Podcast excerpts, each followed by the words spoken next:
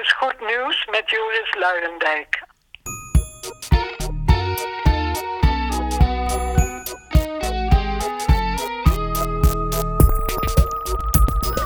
Welkom bij aflevering 3 van Goed Nieuws met Joris Luijendijk, correspondent Slecht Nieuws. Het gast met ons vandaag is Thomas van Hesten, geboren in België, uh, opgegroeid in Nijmegen, nu weer wonend in Gent en sinds augustus 2013, dus al vijf jaar vanaf het begin dus, correspondent Europa. Thomas, hartelijk welkom. Um, ik vroeg net aan jou uh, om een fun fact en toen zei je, ik ben bloedserieus en doe geen grappige feitjes.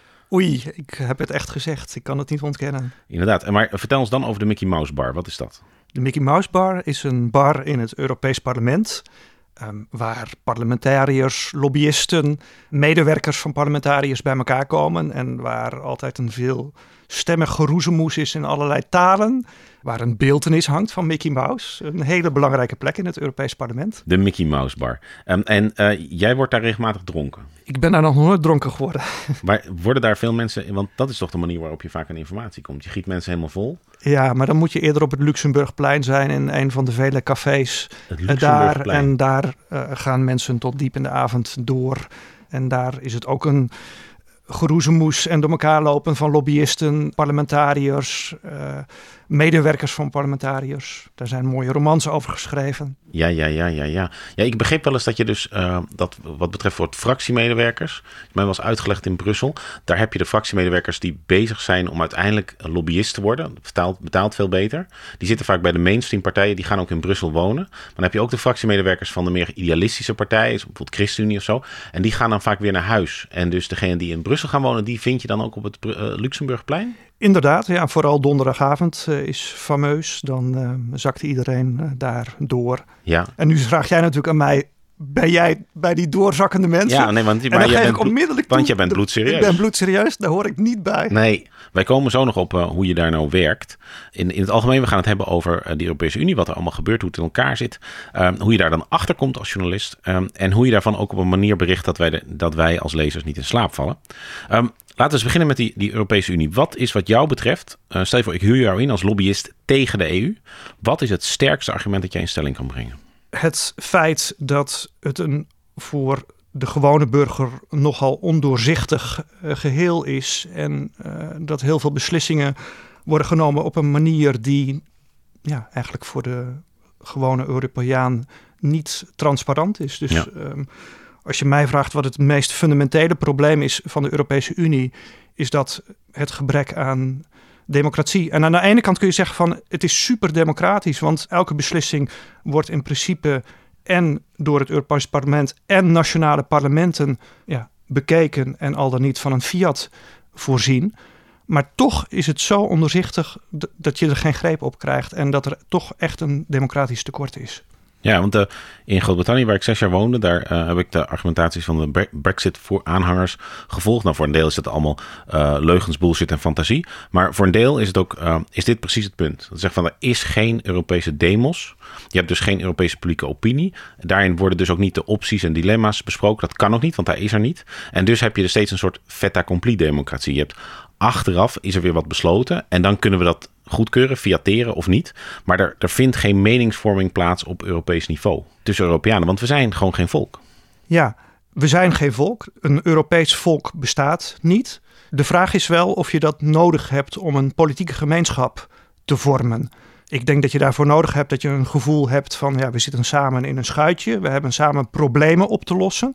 Maar of je daar echt een volk voor moet zijn, daar ben ik niet helemaal van ja. overtuigd. Een, een, politieke gemeenschap is geen gezelligheidsvereniging, maar is een bijeenkomen van mensen met verschillende achtergronden, met verschillende visies. En je moet het gevoel hebben van ja, we moeten er samen zien uit te komen. En dat is een, een stapje lager dan de vraag of je een volk bent. Hm.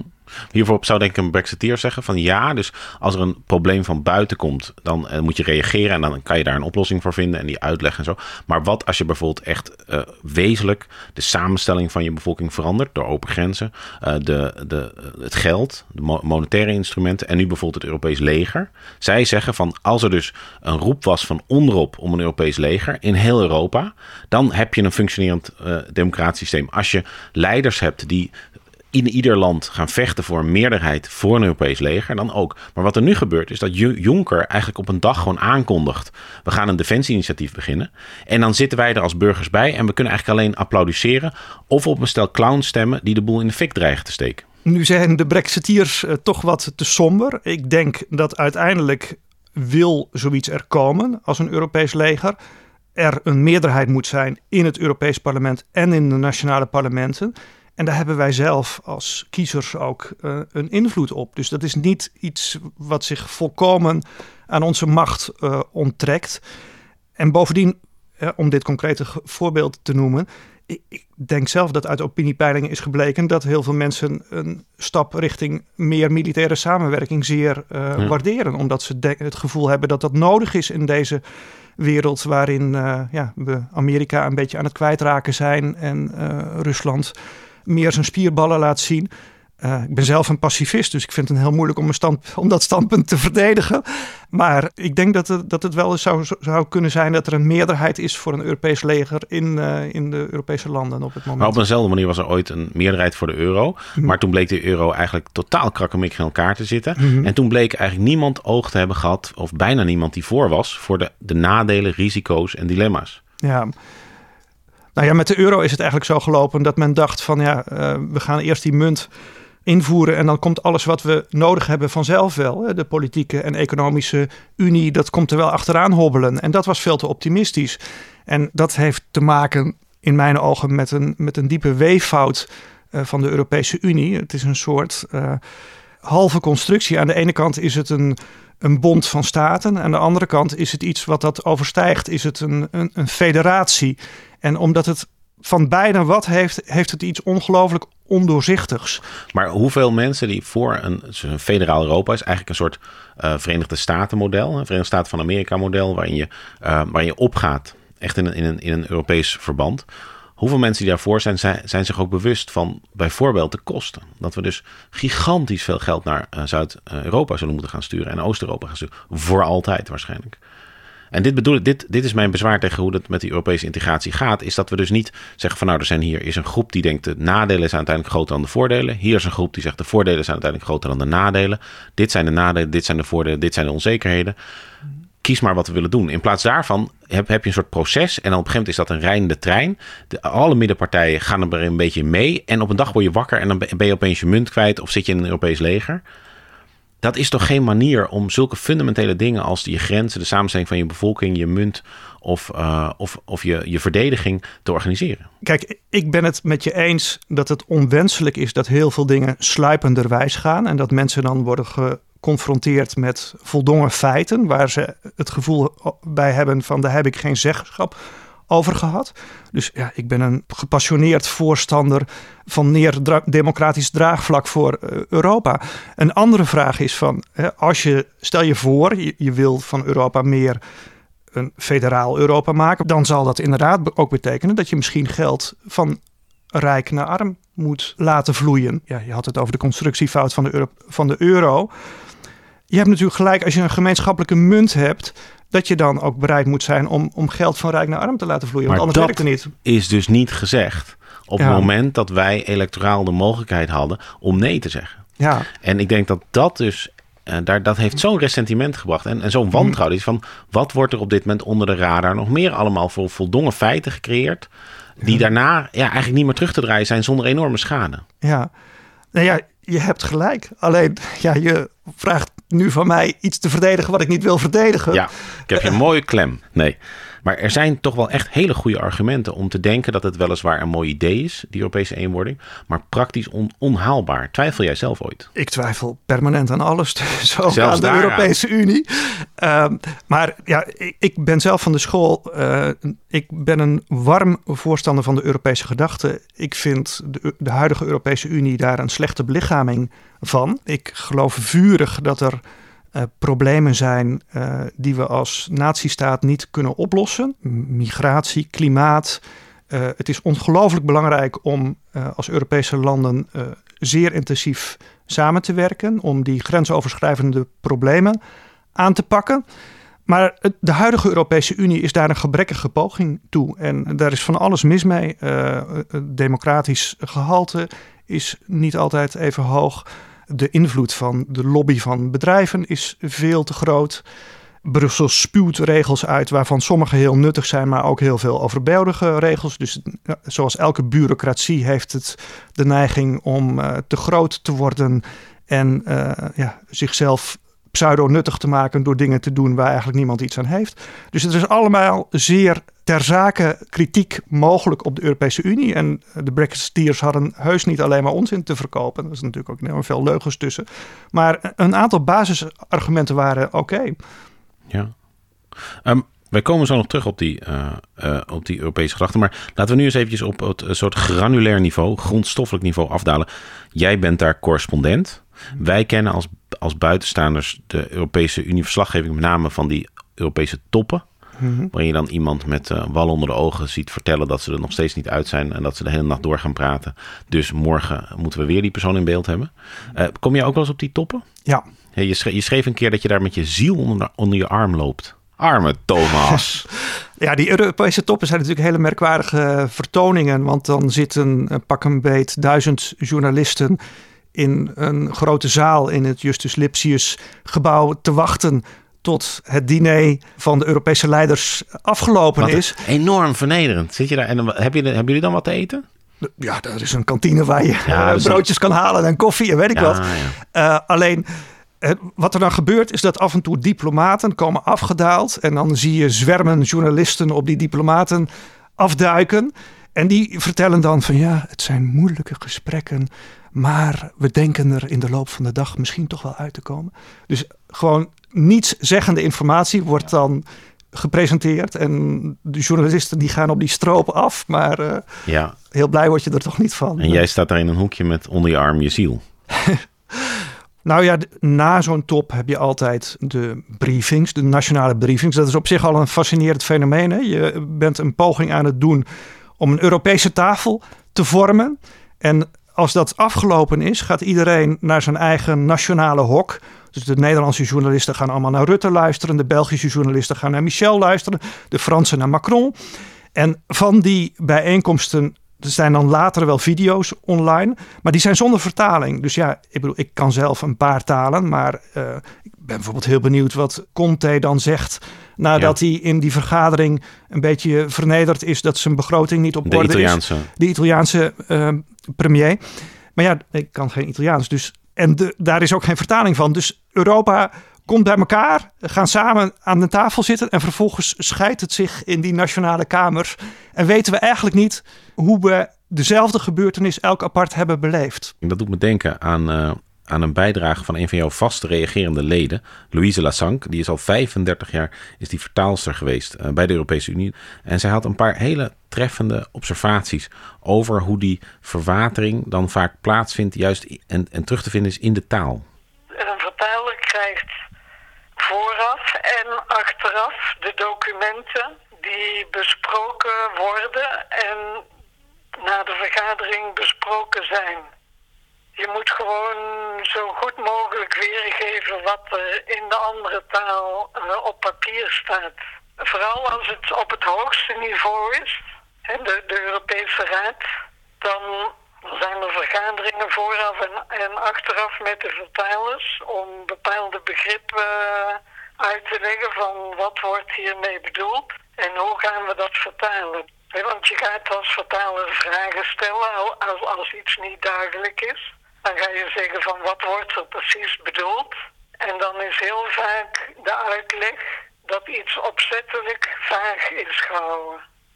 En dat jouw vertaling even vaag moet zijn als de term in het origineel. Die vaagheid is het gevolg van het feit dat de Raad en de Europese Raad uh, altijd met unanimiteit naar buiten komen. En ze gaan niet zeggen van uh, we zijn het absoluut niet eens. Ze zeggen we zijn het eens. Maar dat betekent wel dat ze het eens zijn over de kleinste gemeenschappelijke deler. Je kunt er wel van uitgaan dat over ieder woord is, is nagedacht. Er staan geen woorden in uh, waar niet over is nagedacht. Zowel door de opstellers als door de vertalers. Heb jij zo'n woord? Gecontroleerd. Um, in juni was er een Europese top en die ging over migratie. En in de slotverklaring van de Europese leiders stond dat er gecontroleerde centra moesten komen.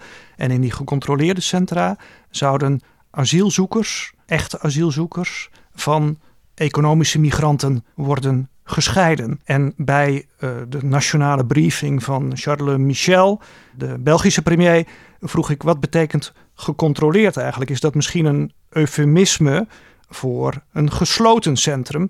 En in een Europese regelgeving staat dat uh, mensen eigenlijk alleen als uiterste middel in een gesloten centrum mogen worden vastgezet. Dus dat pas als alle andere mogelijkheden beproefd zijn, mogen ze in een gevangenis komen. Nou goed, op mijn vraag reageerde Michel natuurlijk niet. Hij had iets over ja, is de soevereiniteit van de landen en die moeten dat dan zelf gaan bepalen wat dat betekent. Maar dat was typisch zo'n woord wat eigenlijk maskeert uh, dat ze er niet zijn uitgekomen. Want ze willen iets oprichten waarvan ze zelf nog niet weten hoe het vorm moet krijgen. Dus dan komt er een vaag woordje gecontroleerd. Ja, en door te maskeren is men in staat om uiteindelijk toch unanimiteit te bereiken. Precies. iedereen er iets anders onder verstaan. Ja, iedereen kan eronder verstaan wat hij wil. En je kunt je er met z'n allen achter scharen. Maar ja, uiteindelijk verandert er natuurlijk niks. Polderen noemen we dat. Wat zou je het meeste missen als je stopte met dit werk? Uiteindelijk vind ik de poging om met z'n allen, mensen met heel verschillende achtergronden, heel verschillende nationaliteiten, er samen uit te komen, vind ik iets prachtigs. De poging om ja, je eigen perspectief te overstijgen en je voor te stellen hoe een ander tegen de zaken aankijkt. Dat in het ideale geval is Europa, is de Europese gedachte, het idee van ja, samen staan we sterker door begrip voor elkaar te hebben, elkaars positie te waarderen. Je bent echt een Nederlander. Je bent dan misschien geboren in België, maar dit is zo Nederlands. Waarom is dat zo Nederlands? Dat als ik, als ik uh, soms andere nationaliteit hoor die zeggen van nou, dit is gewoon een plek waar, ik, waar wij als land veel beter onze nationale belangen kunnen uh, behartigen. Ja. En het wordt samen, komt er helemaal niet in voor. Ja, nou ja, volgens mij weet ik weet echt niet of dat bij uitstek Nederlands is. Want ik kan me nog zo goed herinneren dat onze premier Rutte ooit zei van wij zitten in Europa om ons nationale belang te dienen. Dat vond ik zelf een potsierlijke uitspraak. En uh, we hadden ooit onze eerste Europees commissaris was uh, Sikko Mansholt, uh, landbouwcommissaris. En die had een soort methodiek met vlaggetjes. En uh, we waren toen nog maar een handjevol landen. Maar hij was altijd pas tevreden als hij op, had een soort kaart waarbij die vlaggetjes plaatste. En als hij een oplossing had bedacht, dat hij op elk land een vlaggetje kon zetten dat het voordeel erbij had. Dus hij, zijn idee was van ja, we moeten het zo doen dat we er allemaal blij van worden. En dat is natuurlijk in essentie de Europese gedachte. Ja, ja, ja. Nou, dat, volgens mij is de Europese gedachte dat ieder land denkt dat de Europese gedachte is wat in dat land geldt als zeer wenselijk. je bent een uh, realist of een pessimist. Je gelooft niet uh, dat mensen hun eigen belang kunnen overstijgen. Of... Nauwelijks. Ik denk dat daar wel degelijk uh, voorbeelden van zijn van maatregelen waarbij mensen collectief profiteren. Dus het is niet een zero-sum game, eh, Europa. Nee. Uh, de vraag, denk ik, uh, hoe krijg je het interessant? Duidelijk dat een, toen ik lobbyisten ging vragen, waar besteed jij nou je tijd? Dan zeiden ze bijna nooit Haagse politici. Ze zeiden of de Haagse ambtenarij, het Rijk, of Brussel. Politiek bevindt zich nog op nationaal niveau, macht steeds meer op Europees niveau. En dus in de naam van democratie zouden we veel meer pakkende journalistiek willen over de Europese Unie. En toch lukt dat maar niet. Ja, en dat komt omdat het voor veel mensen een, toch een ver van hun bedshow blijft. En dat het politieke proces in Brussel natuurlijk enorm stroperig en ingewikkeld is. Hè. Dus je, de, Europese Commissie komt met een voorstel, dan uh, gaat het Europees Parlement er naar kijken, dan doet er een plasje over en dan is de Europese, zijn de ministers aan de beurt en dan krijgen we de trialoog. En als journalist vraag je je voortdurend af op welk moment moet ik er iets over schrijven? Wanneer is de beslissing nou eigenlijk genomen? Ik probeer dat soort stroperige processen gedurende een hele lange termijn te volgen en dan in kaart te brengen. Maar eh, het is een soort zuigend moeras en dat is heel moeilijk om aan te ontsnappen. ja, je weet het wel te verkopen. Godverdomme, um, dit moet eruit. Nou, mag erin blijven hoor. Nee, hoor. Luisteraars kunnen heel veel hebben. Het, iemand legt het mij uit. Die zei, kijk, het succes van de Europese Unie is depolitisering. Dus je hebt conflicten tussen landen en door daar de angel uit te halen kunnen mensen niet met de vlag gaan wapperen, niet de nationale kaart spelen, niet landverraad roepen. En op die manier kun je dus dingen oplossen die, wanneer je het over zou laten aan reguliere politiek, uh, helemaal uit de hand zouden lopen. En wat er nu gebeurt in Groot-Brittannië, waarbij alles meteen in een termen van landverraad wordt gezien, illustreert dat enigszins. Hm. Wat je dus doet in Europa is je neemt iets aan, maar het gaat pas over drie jaar in. Nou, ga je dan nu demonstreren? Ja, het gaat pas over drie jaar in. Ga je over drie jaar demonstreren? Ja, het is drie jaar geleden besloten. Ja, maar dat is natuurlijk tegelijkertijd de valkuil, omdat uiteindelijk is het politiek. En als je politiek gaat depolitiseren, dan krijgt dus de burger het gevoel van ja, wij hebben geen mogelijkheid meer om hier. Onze stem doet er niet meer toe. Ja. En uh, ja, dat, dat zie je in allerlei. Eh, laten we bijvoorbeeld een voorbeeld nemen van de, de grote splijt van op het moment binnen de Europese Unie is migratie. Daar is men al jaren een poging aan het doen om sinds de vluchtelingencrisis van 2015 uh, eh, een oplossing te vinden voor het feit dat het niet eerlijk is dat Griekenland en Italië uh, als landen die aan de Middellandse Zee liggen alle last op hun schouders moeten dragen. Hè, want daar komen de meeste migranten en vluchtelingen binnen. We hebben die fameuze regel van uh, Dublin, dat in principe het eerste land van aankomst verantwoordelijk is voor de asielaanvraag. Onze premier Rutte noemde dat heel lang een voorbeeldje van geografische pech. Ja, die liggen daar nou eenmaal. Dat is een situatie waar de jongetjes maar, en meisjes daar maar mee moeten zien te dealen. Maar ook Rutte is tot het inzicht gekomen van ja, dat kan niet zo. Hè. We hebben eh, besloten samen, we gaan de binnengrenzen wegdoen. Dan zijn we samen verantwoordelijk voor de buitengrenzen en ook samen verantwoordelijk voor het migratiebeleid. Dat is logisch. Alleen een aantal landen in Oost-Europa wil die verantwoordelijkheid, de gemeenschappelijke verantwoordelijkheid voor het migratiebeleid niet dragen, behalve door te zeggen van ja, we moeten gewoon alle migratie stoppen. Ja. En dan kom je uit op, de, op het laagste waar je samen uit kunt komen. Namelijk, we moeten de grenzen dichtgooien. Je wordt het niet eens over de interne verdeling of de, hoe je samen de verantwoordelijkheid kunt dragen voor migratie. Nou, dat is de enige uitweg om de grenzen dicht te gooien. En dat is wat we nu in Europa zien gebeuren. Ja, over die, over die buitengrenzen, daar uh, Theo Franke, een, zeg maar een soort Belgische uh, Wilders, behalve dat hij in de regering zit. Ehm, die uh, maakt er al heel lang golven mee in België.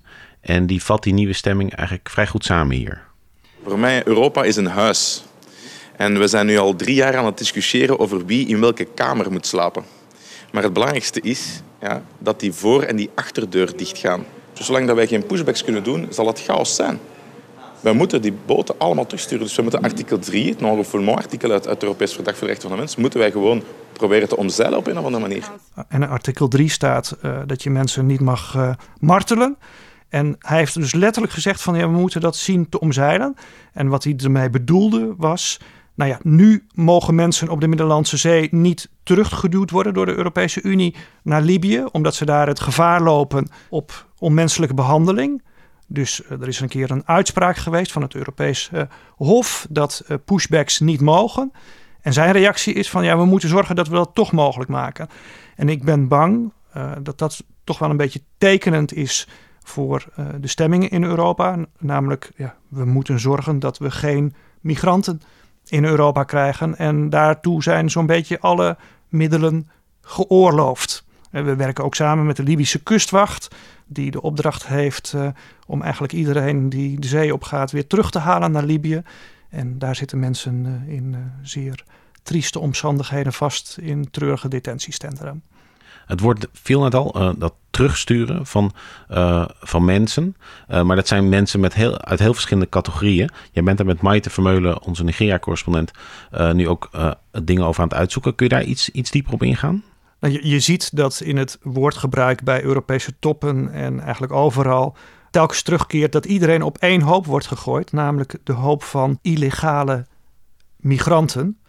Zodra je een poging doet om naar Europa te komen en de Middellandse Zee over te steken, dan word je in dat categorietje gestopt, illegale migranten. Maar zoals je zelf al zei, zijn het mensen die soms wel degelijk recht hebben op een vluchtelingenstatus, omdat ze een militaire dictatuur ontvluchten, omdat ze oorlog ontvluchten. En eigenlijk zijn er geen legale manieren om naar Europa te komen. Dus je bent altijd illegaal als je naar Europa komt.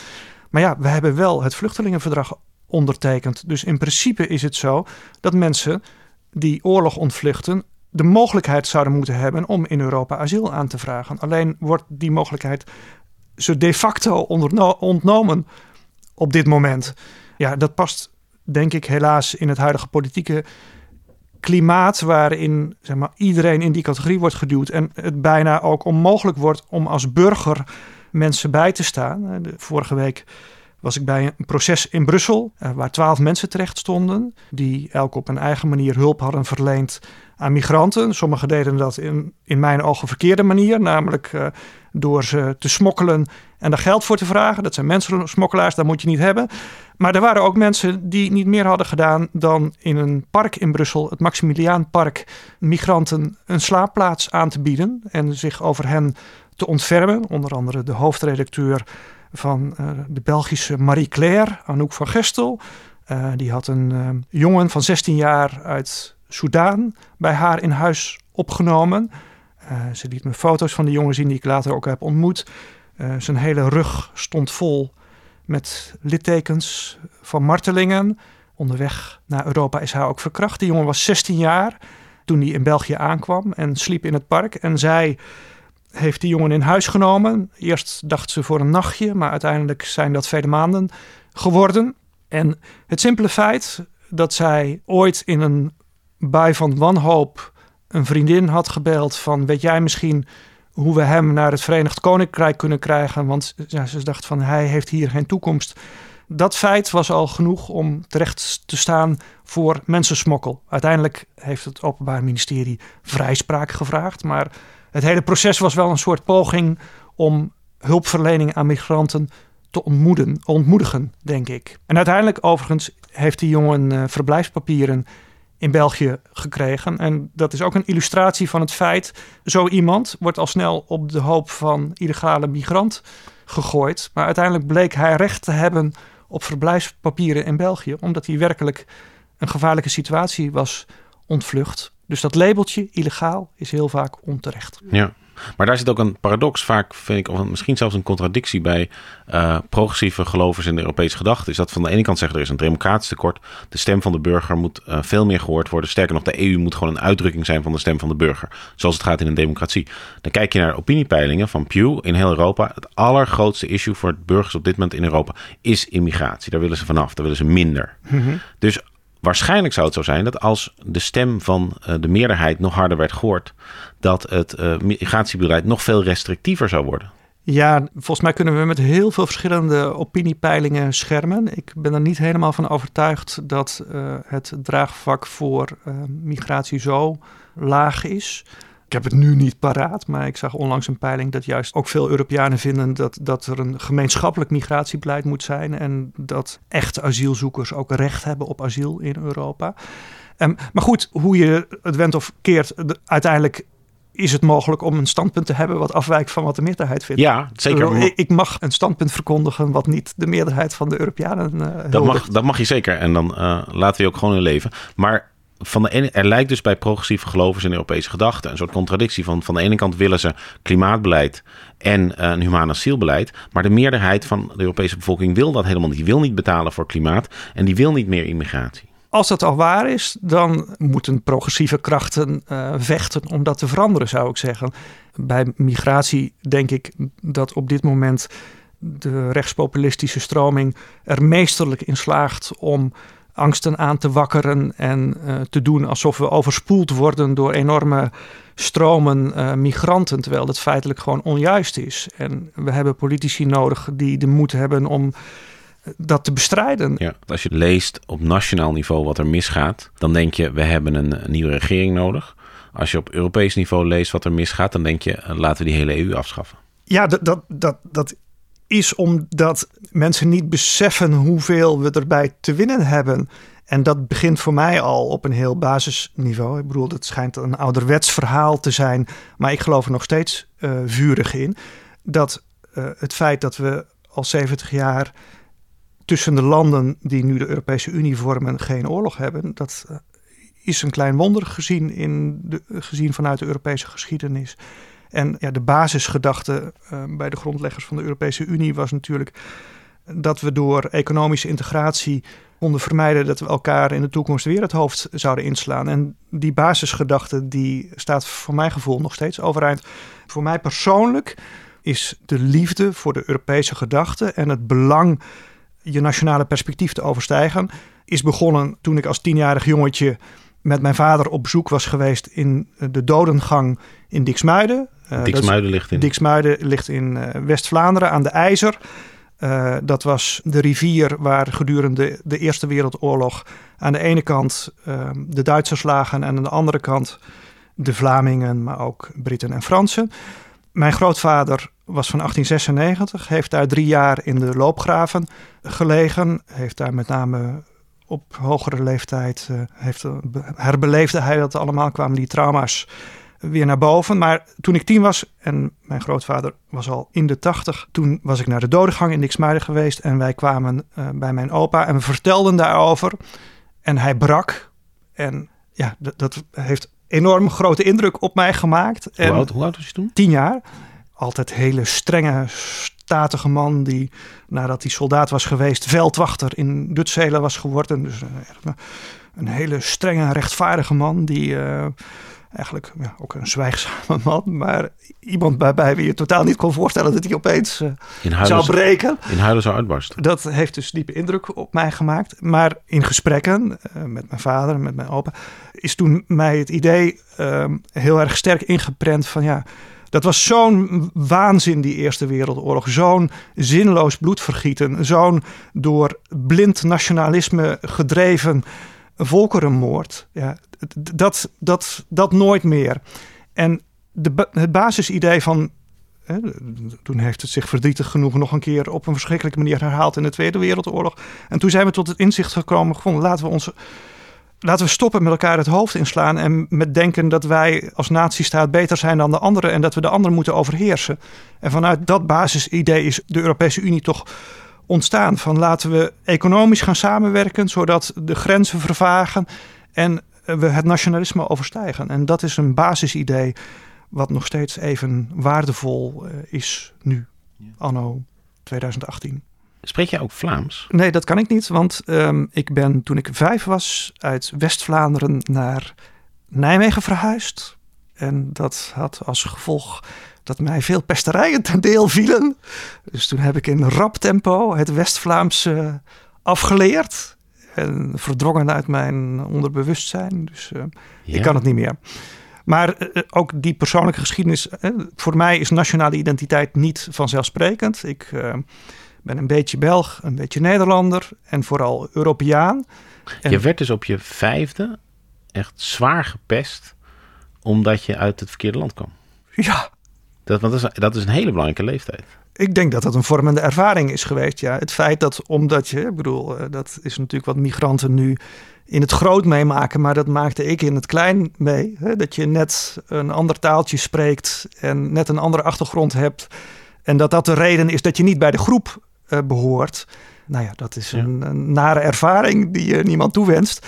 En ja, voor mij een ervaring die ook bepalend is geweest voor mijn idee dat groepen gevaarlijk zijn en dat nationalisme gevaarlijk is. En uh, ik geloof heel erg dat het belangrijk is om je eigen geschiedenis te kennen en dat een zekere trots op je achtergrond belangrijk kan zijn. Maar nationalisme ontaart natuurlijk heel vaak in een hard afwijzen van de anderen en het denken dat je zelf beter bent en een nare beslotenheid van de groep. En dat, uh, ja, dat is iets wat we moeten overstijgen. Je hebt een uh, dochter, geadopteerd uit uh, Rwanda. In wat voor Europese Unie wordt, hoe oud is zij nu, als ik vraag? Elf. Elf. Een jaar ouder dan jij was toen je die ervaring had met je opa. Denk jij dat zij een vergelijkbare ervaring heeft gehad als jij op je vijfde in Nijmegen? Toen zij in, in België kwam? Nou ja, toen hadden we nog Nederland. Toen kwam ze in Nederland. Ze was toen twee jaar oud. Dat heeft ze toen niet heel bewust meegemaakt, denk ik. Uh, ja, ze heeft natuurlijk wel een soort uh, cultuurshock gehad. Ehm, ik hoop en denk dat ze op dat moment niet veel ervaringen heeft gehad van buitengesloten worden. Alhoewel het niet te ontkennen is dat je ook meemaakt dat er alledaags racisme bestaat in Nederland, helaas. Geef eens een voorbeeld. Om één voorbeeld te noemen is dat we een keer op straat aan het voetballen waren en dat er een auto langskwam en het raam uh, werd opengedraaid en dat iemand riep van uh, rot op met je Ethiopië kind of zo. Nou ja, dat soort ervaringen dat is niet één keer gebeurd, dat gebeurt met enige regelmaat. Dus uh, ik ben er wel van overtuigd dat alledaags racisme in Nederland bestaat. Ja, dat is grappig. Het, is onvergelijkbaar. Maar toen ik in Londen woonde, was er het EU-referendum. En werd, werden wij opeens als Europeanen daar ook op die manier gediscrimineerd. Dus dan uh, voerde je een gesprek in het Nederlands in de, of je telefoon in de, in de trein. Dan hing je op en dan zei iemand, wanneer ga je nou weg? Heb je het resultaat niet gezien? En dat, Ja. dat was dat is natuurlijk echt van een andere aard. En tegelijkertijd, dat hoeft maar één of twee keer te gebeuren in een, in een maand. En opeens ontstaat er zo'n wantrouwen in mij ten opzichte van iedereen. Dat denk, denken ze dit allemaal? Ja, dat, dat is natuurlijk ja, eh, het beangstigende. Dat als je dat soort ervaringen hebt, dat je heel veel dingen in dat licht gaat zien. En je moet ook proberen om, ja, om het weer te relativeren. En 99% van de tijd is het er niet, denk ik. Ja. ja. Nog even helemaal uitzoomend dan. Dit lijkt wel de meest precaire tijd eh, waarin de EU zich bevindt. We zijn dan door die eurocrisis, die terreurcrisis en die vluchtelingencrisis heen gezeild. Maar het is duidelijk dat Trump, Erdogan, Poetin en ook de Britten nu eh, de EU willen verzwakken dan wel kapot maken. Uh, hoe, hoe, groot acht jij de kans dat uh, de EU er over tien jaar uh, nog is in enigszins herkenbare vorm?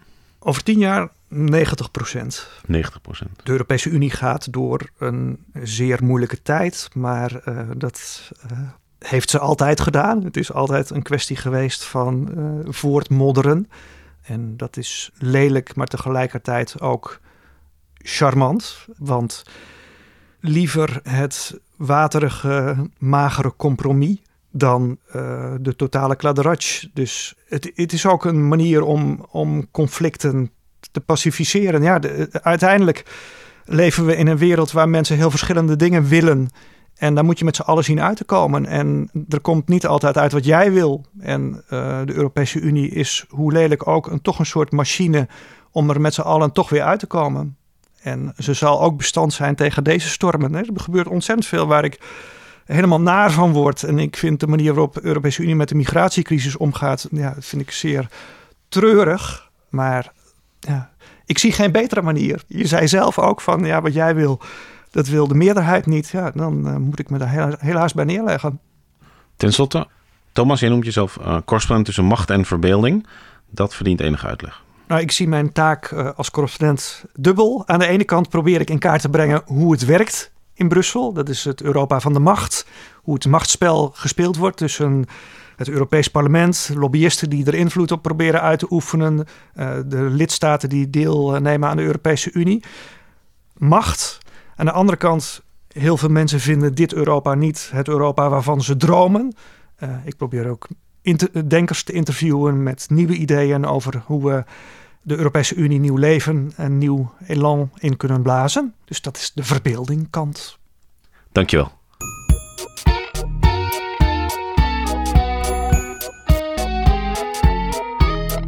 Dit was aflevering 3 van Goed Nieuws met Joris Luindek, correspondent Slecht Nieuws. De gast vandaag was Thomas van Hesten. Dit was een podcast van De Correspondent. Productie Romane Rodriguez. En volgende keer zit hier Maite Vermeulen en zij werkt in Nigeria. Ja, hoe je de EU minder taai maakt. Maar ja, als je dat wist, dan kun je jezelf als consultant echt voor zoveel geld gaan verhuren.